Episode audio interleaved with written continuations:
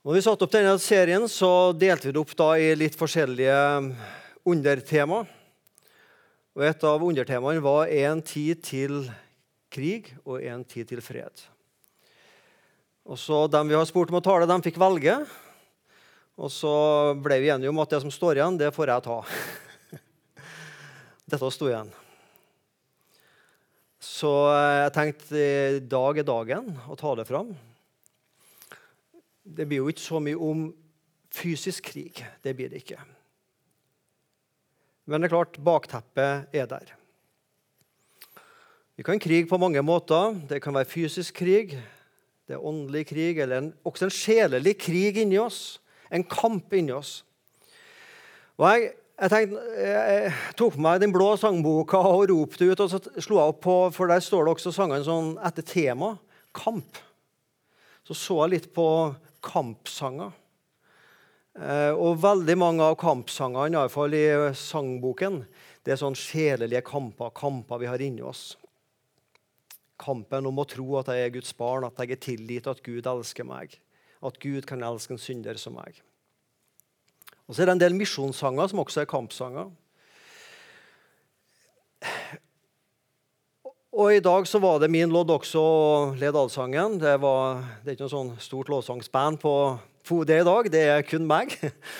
Eh, så da hadde jeg gleden av å kunne plukke sanger. Og for første gangen i min karriere så hadde jeg altså en sang som jeg hadde satt inn, den tok jeg ut igjen. For jeg tenkte, Den klarer ikke jeg å synge i dag. Den, jeg jeg syns den ble for sterk å synge. Og det er sangen 'Fremad Kristi Hermen'. Jeg tenkte, den, den klarer ikke å synge i dag. 'Frem til hellig krig'. Så jo, vi skjønner det, hva det går i. Men med det bakteppet som er, så kjente jeg jeg klarer ikke å spille den sangen. Så jeg tok den ut. Men det er jo en nydelig sang om den kampen vi står i for å fremme Guds rike på jord.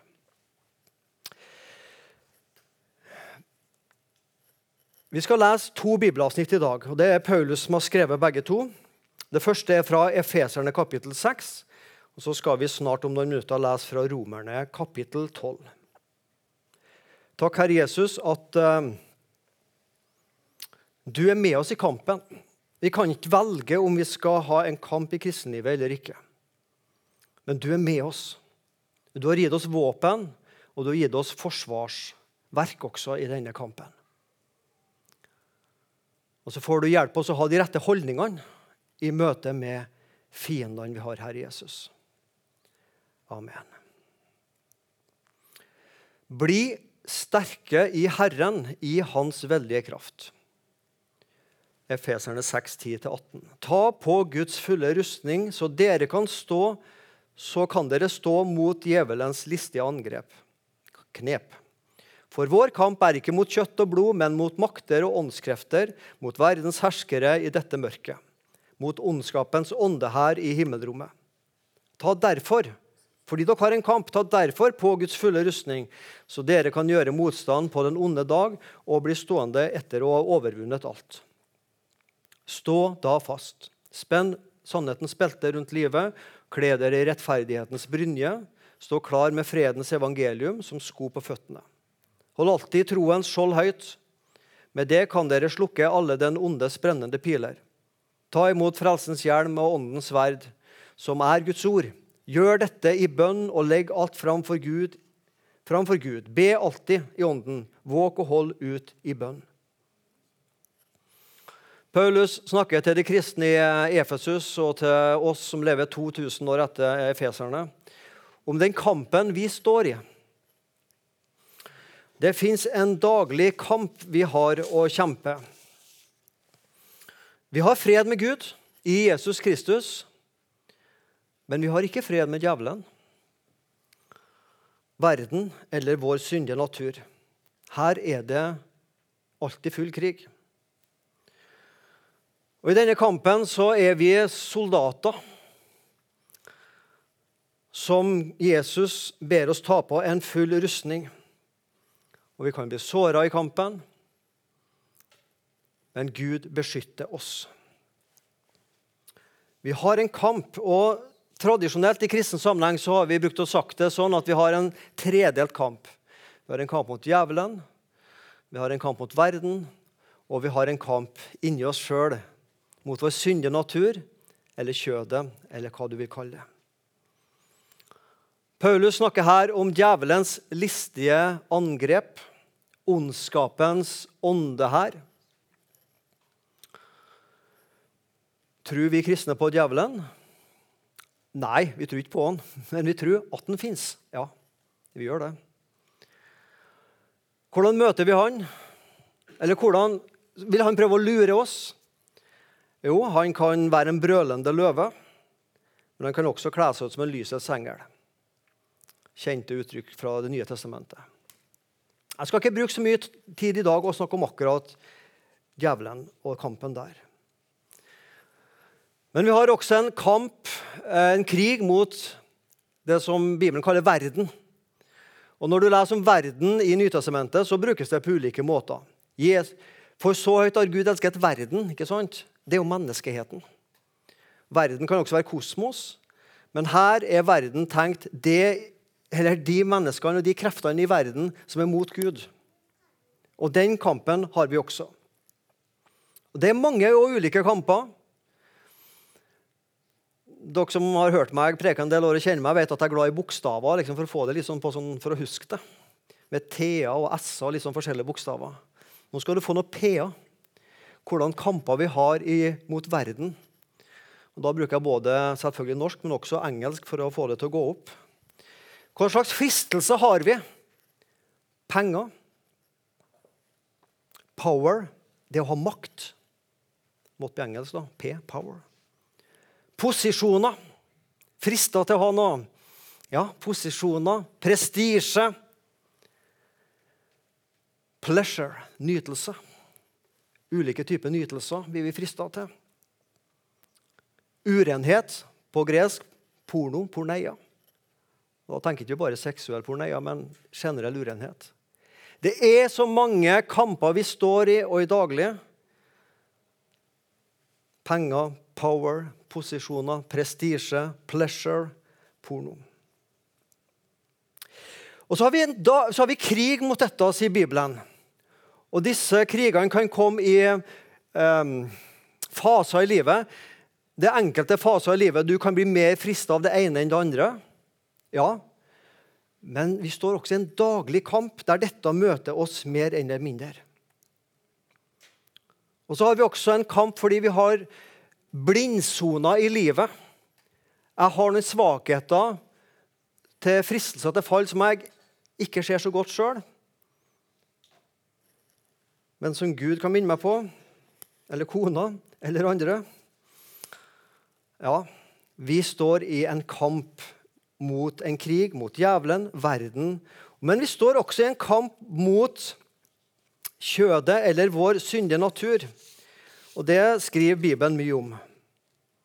Men i dag har jeg lyst til å ta fram én ting i denne kampen mot vår mot kjødet, mot vår syndige natur.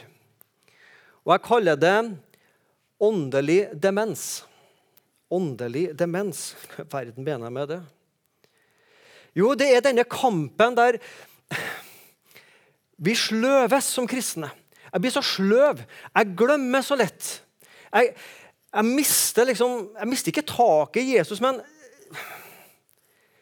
jeg sløves med åra. Jeg tar ting som en selvfølge. Fra der vi bor og bort til butikken er det 120 meter. Men hvis jeg ikke har skrevet det på en gul lapp, de fem tinga, iallfall når det blir mer enn fem, som kona har sagt, så kan du garantere på at jeg glemte én når jeg kommer fram. Og jeg ringer jo ikke og spør. vet du, jeg gjør jo ikke det. Ikke sant? Du glemmer! Jeg så du lo nå. Du kjenner deg igjen. Kona pikka borti deg, så jeg. Ja da, fikk det med meg. Det er liksom en sånn teflonbelagt hjerne. Liksom. Det, det, det, det av.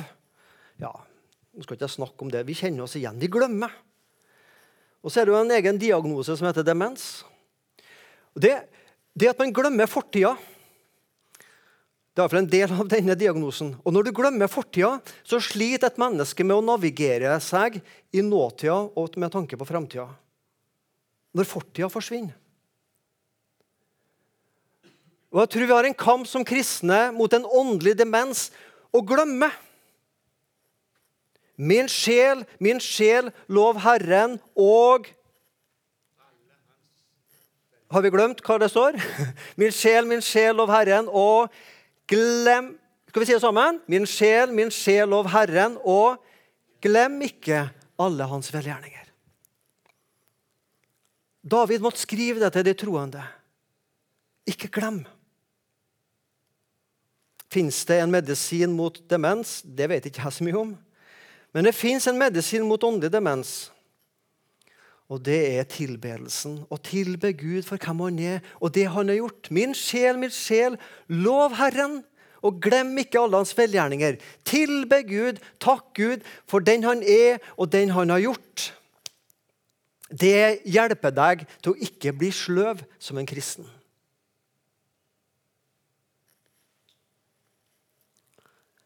Ikke glem. Vi har en kamp mot den åndelige demensen. Ok. Jeg skal snakke litt om å elske og hate. En tid for å elske, en tid til å hate. Det er ikke vanskelig å hate sin fiende, om det er politisk, på krigsmarken, eller om det er i vårt personlige plan. Så er det ikke vanskelig å hate sin fiende, den man mener har gjort urett mot seg. Det er berettiga hat og vrede. Rettferdighets, rettferdighetssansen utløser et raseri, et berettiga sinne.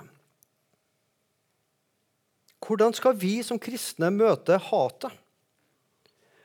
Hva er annerledes i kristendommen med tanke på kjærlighet enn i de fleste andre religioner? For andre religioner snakker jo også om å elske.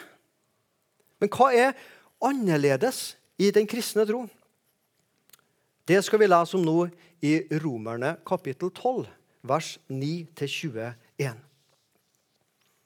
Så kan du prøve å legge merke til hva Paulus snakker om som er annerledes her med den kristne kjærligheten.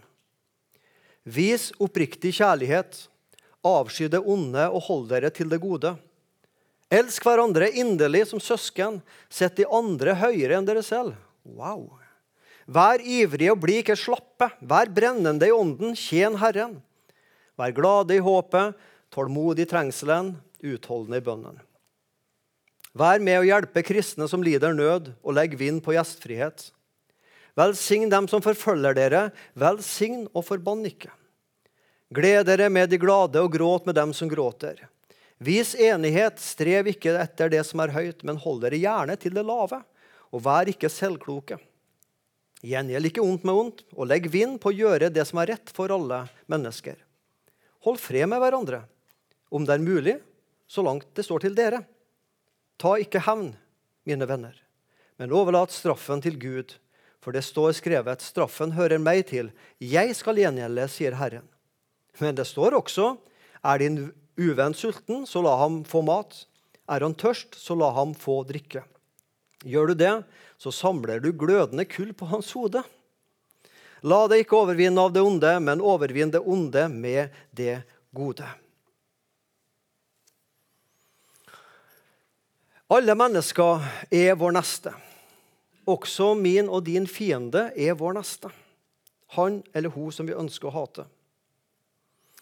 Jesus fortalte en lignelse om den barmhjertige samaritan. Den har du sikkert hørt. Men hvorfor, hvorfor, var den så sterk i sin samtid til jødene? Nettopp fordi samaritanerne var fiender av jødene. Altså, vi kunne ha fått fortelling om den barmhjertige svensken, og vi har tenkt ja, ja, ja, svensker, svensker, men altså, det var ikke noe big deal. Men den barmhjertige også et folkeslag de hata. I hvert fall hata, hata, men i hvert fall de lå liksom i strid. og ja, Det var ikke godt blod mellom dem, samaritanere og jøder. Gjør godt mot alle, mest av alt mot troens folk, skriver Paulus i Galaterne kapittel 6. Men én ting er å elske dem som er lik meg sjøl. Det er ikke vanskelig. Og Det sier Jesus også. Ingenting å skryte over at vi elsker dem som er lik oss sjøl. Ja, men det gjør fariseerne også. Det gjør tollerne også. Det gjør synderne også. Vi liker dem som er lik oss sjøl. Men å elske dem som er totalt annerledes enn oss sjøl, det er jo der helliggjørelsen kommer inn, folkens. Som kristen kjemper jeg for å elske min fiende, den som ikke er elskverdig. Men når fienden ser at din og min kjærlighet er ekte, og at vårt liv er prega av integritet, da tror jeg han eller hun kan bli nysgjerrig på hva er det som driver oss, som kan elske sånn tilbake. For å være konkret på arbeidsplassen. Kanskje er det en kanskje minst en der som i lunsjpausen vet at du er en kristen og liker å terge litt og snakke stygt om, stygt om kristendommen og den kristne troa. Hvordan responderer du når noen snakker stygt om det, du som er viktig for deg? Hvordan svarer vi tilbake? Velsign dem som forfølger dere. Velsign og forbann ikke, sier Paulus her. Og Det er jo stikk i strid mot det vi føler vi burde ha gjort. da, ikke sant? Jesus sa det samme. Elsk dine fiender, gjør godt mot dem som hater deg, velsign dem som forbanner deg, og be for dem som snakker stygt om deg. Jesus sa, 'Elsk dine fiender, gjør godt mot dem som hater dere, velsign de som forbanner dere, og be for de som snakker stygt om oss.' Hadde Jesus fiender? Ja, fariseere, skriftlærde og kompani. Og så tenker vi på Jesus på korset. Hadde han grunn til å være sint? Hadde Jesus grunn til å hate? Hadde, følte Jesus at det var urettferdig at han hang der? Ja. Hva gjorde Jesus på korset? Han lærte oss å be. Far, tilgi dem, for de vet ikke hva de gjør. Han ba for sine fiender. Og Det å elske våre fiender er den mest krevende øvelsen og utfordringen til et hellig liv.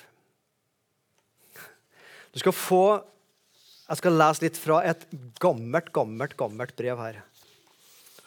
Det er skrevet en gang mellom år 150 til 200 etter Kristus. Så det er jo rimelig gammelt. da. Skal lese et lite, lite utdrag. Det er en, Hvem forfatteren er, det er man usikker på. betyr ingenting. Han skriver til en som heter Diognet. Og han skriver om de kristnes liv i verden til denne som heter Diognet. Og så skriver han følgende om de kristne, som da levde under forfølgelse i Romerriket. De elsker alle, og de blir forfulgt av alle. Man kjenner dem ikke, og likevel fordømmer man dem. De blir slått i hjel, men de blir gjort levende. De er fattige, men de gjør mange rike. De mangler alt, men de har overflod i alt. De blir vanæret, men i vanæren vinner de heder. De spottes, men de får sin rett. De blir utskjelt, men de velsigner tilbake. De blir ydmyket, men de viser ærbødighet. Når de gjør godt, så straffes de som forbrytere. Og når de straffes, så gleder de seg fordi det fører dem til livet. De bekjempes som fremmede av jøder og forfølges av grekere. Men de som hater dem, de kan ikke forklare årsaken til sitt hat. Det var noe med det førstes kristne væremåte og levesett som, som slo deres motstandere til bakken. For de som forfulgte dem, forventa å få litt av det samme tilbake. Så fikk de kjærlighet og velsignelse og bønn og godhet tilbake. Og det vant mange sine hjerter.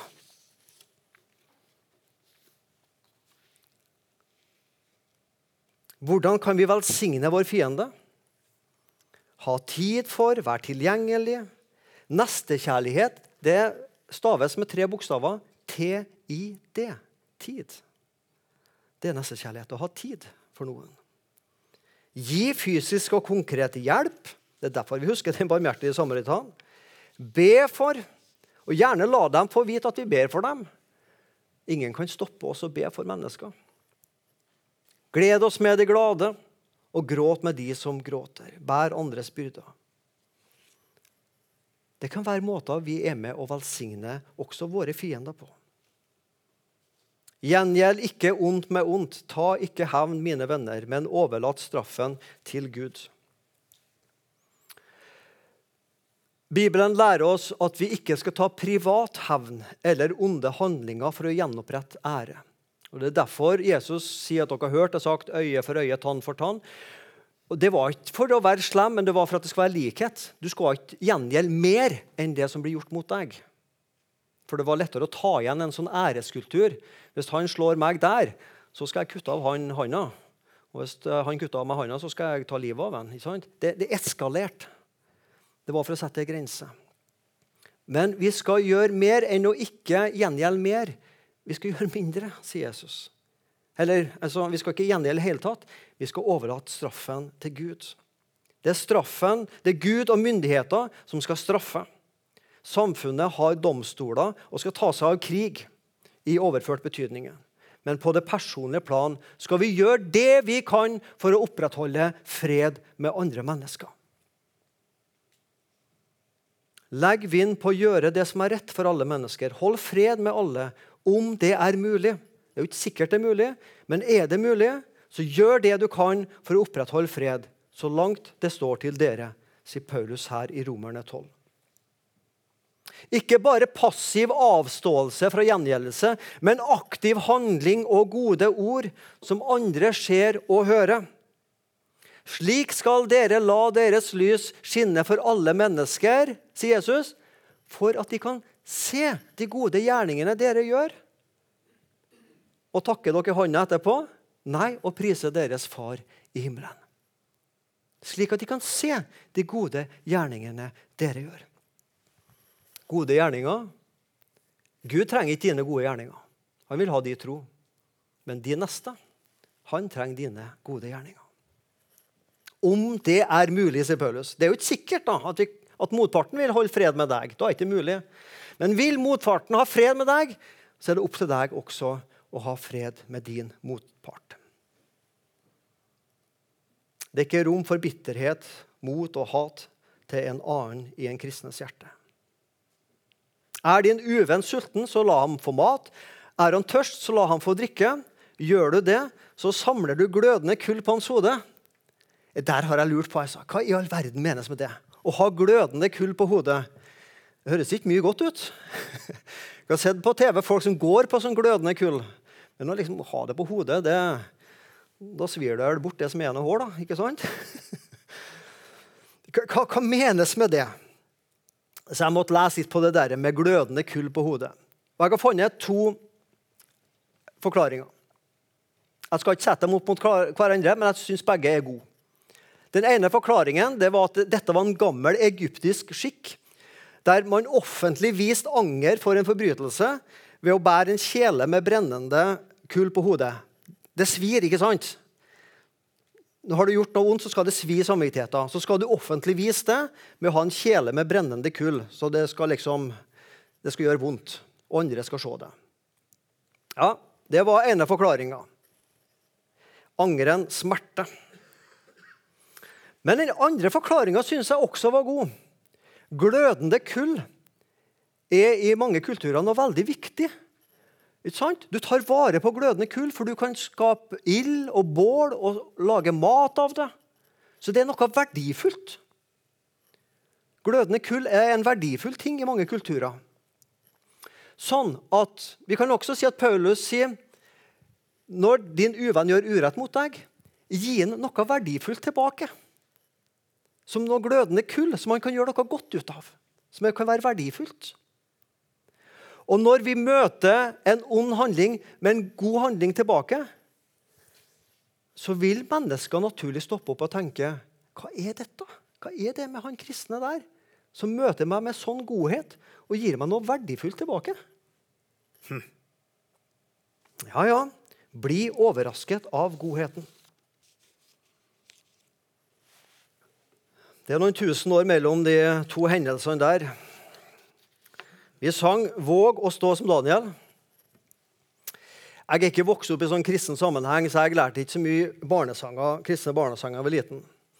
Men i tidlig ungdomsår så eh, kom jeg inn i kristen sammenheng. og um, Jeg husker en som heter Reidar.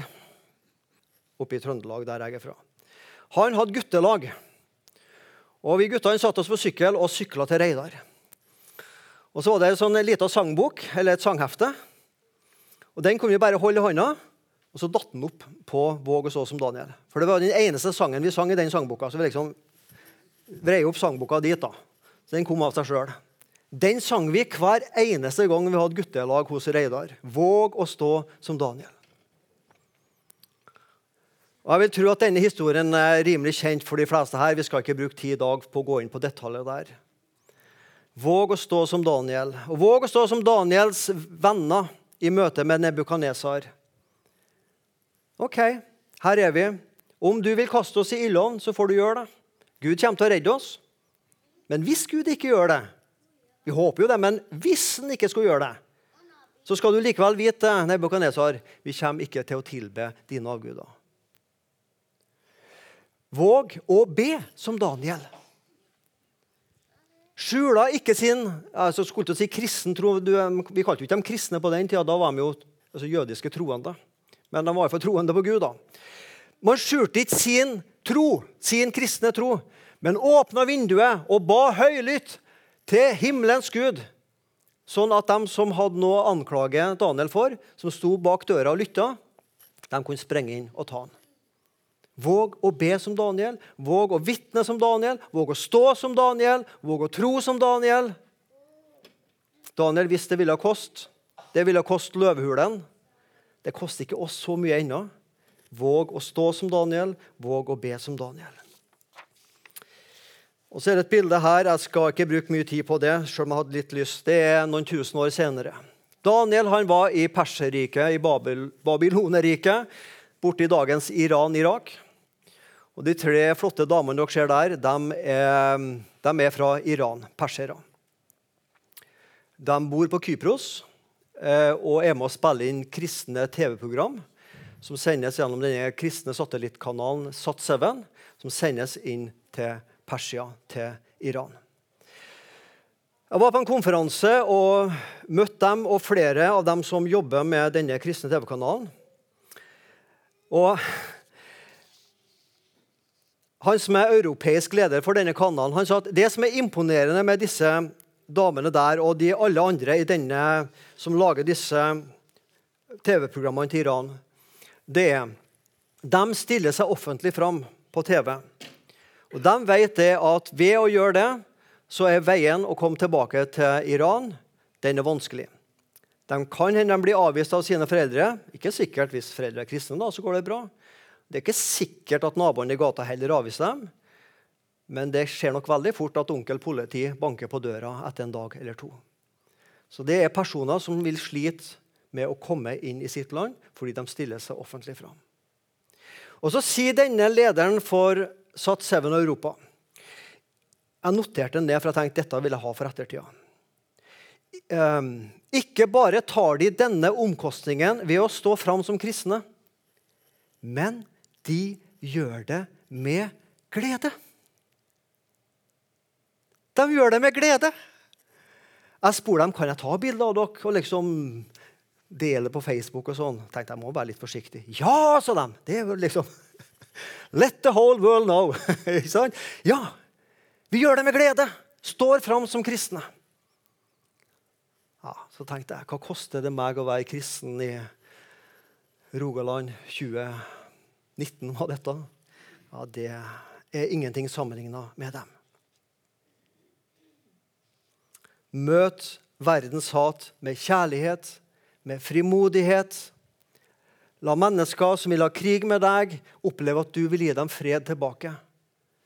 Da forandrer vi ett hjerte om gangen, og nye mennesker blir smelta og kommer til tro på Jesus. Sist søndag ble jeg sittende til samtale med en person her som eh, kom som flyktning fra et annet land. Og Han sa det at eh, noe av det som gjorde at han og familien ble kristne, det var den kjærligheten de møtte blant kristne da de flykta til Libanon. Og, og, og, på en måte, De så hvordan de kristne møtte dem på en helt annen måte enn det de var oppvokst med. Det smelta deres hjerter og gjorde at det ble enklere å bli en kristen. Det var en flott samtale jeg hadde med en som var her sist søndag. Helt til slutt En tid for krig, en tid for fred. Det var en tid også i Jesu liv for krig. Og Denne søndagen her, på søndagens prekentekst, er fra Jesus i Getsemane. Der lå Jesus i krig. Og Hvis du ser denne filmen, 'The Passion', eh, så starter den med Jesus' sin kamp i Getsemane og djevelen som lusker i, i buskene der for å prøve å få Jesus bort fra lidelsens vei. Jesus er ferdig med lidelsen i dag. Han skal ikke mer dø. Vi som lever i dag, vi lever òg på, på grunn av den seieren Jesus vant i Getsemane-kampen, ved sin soningsdød på Golgata og hans triumferende oppstandelse første påskedag. Jesus gjennomlevde den smerten og tok den straffen vi egentlig skulle ta og bære pga. våre synder. Jesu kamp i Getsemane var ikke hans kamp, men det var vår kamp. Han kjempa for oss. Hadde den onde Getsemane med sine fristelser klart å få Jesus bort fra veien til Golgata, så hadde du og jeg vært evig fortapte. Etter bønnekampen var Jesus klar til å bli sveket av Judas, fanget av de romerske soldatene. Nå var seieren vunnet. Og Derfor kunne Jesus si til nei, til soldatene som kom for å fange han, er det meg dere leter etter, så la disse gå fri. Hører du evangeliet? Er det meg dere leter etter, så la disse gå fri. Vi er fri fordi Jesus tok kampen, krigen. Derfor kan du og jeg som Jesu disipler gå fri fra straffen for våre synder. Jesus tok krigen mot djevelen og mot Guds frede for at vi skal ha og kan ha fred med Gud. Der lever vi som Guds barn. Vi har fått fred med Gud pga. Jesus soningsdød. Vi står i en kontinuerlig kamp mot djevelen, mot verden og vår onde, syndige natur. Men når Gud ved sin Hellige Ånd får flytte inn i våre hjerter og prege våre holdninger, så la våre mennesker vi møter på vår hverdag Gode, snille mennesker. Trenger ikke å være våre fiender, men mennesker vi møter. Men kanskje enda mer spesielt dem som ah, er litt mot oss fordi vi er kristne. La dem få merke at det bor en annen ånd i våre hjerter. Ikke fordi vi er bedre, men fordi Gud ved sin Hellige Ånd har flytta inn i oss og at vi er fredens barn som er med og bringer freden ut til mennesker. Da tror jeg denne salen, da tror jeg Gann kirke og Klippen og Fredem og alt som er av Guds folk her i Sandnes, vil fylles salene av mennesker som vil komme for å høre om Han som kan skape nye hjerter med fred. Kjære Jesus Kristus. Takk for den seieren du vant på Golgata. Takk for du tok krigen også med Guds vrede og den onde for at vi skal ha fred med Gud. Og Så får du hjelpe meg og oss alle til å være frimodige kristne. Til å elske og til å frimodig vitne om hva vi tror på. Slik at mennesker kan få øye på deg, Jesus, gjennom våre skrøpelige liv, men likevel liv som er fylt av Den hellige ånd. Amen.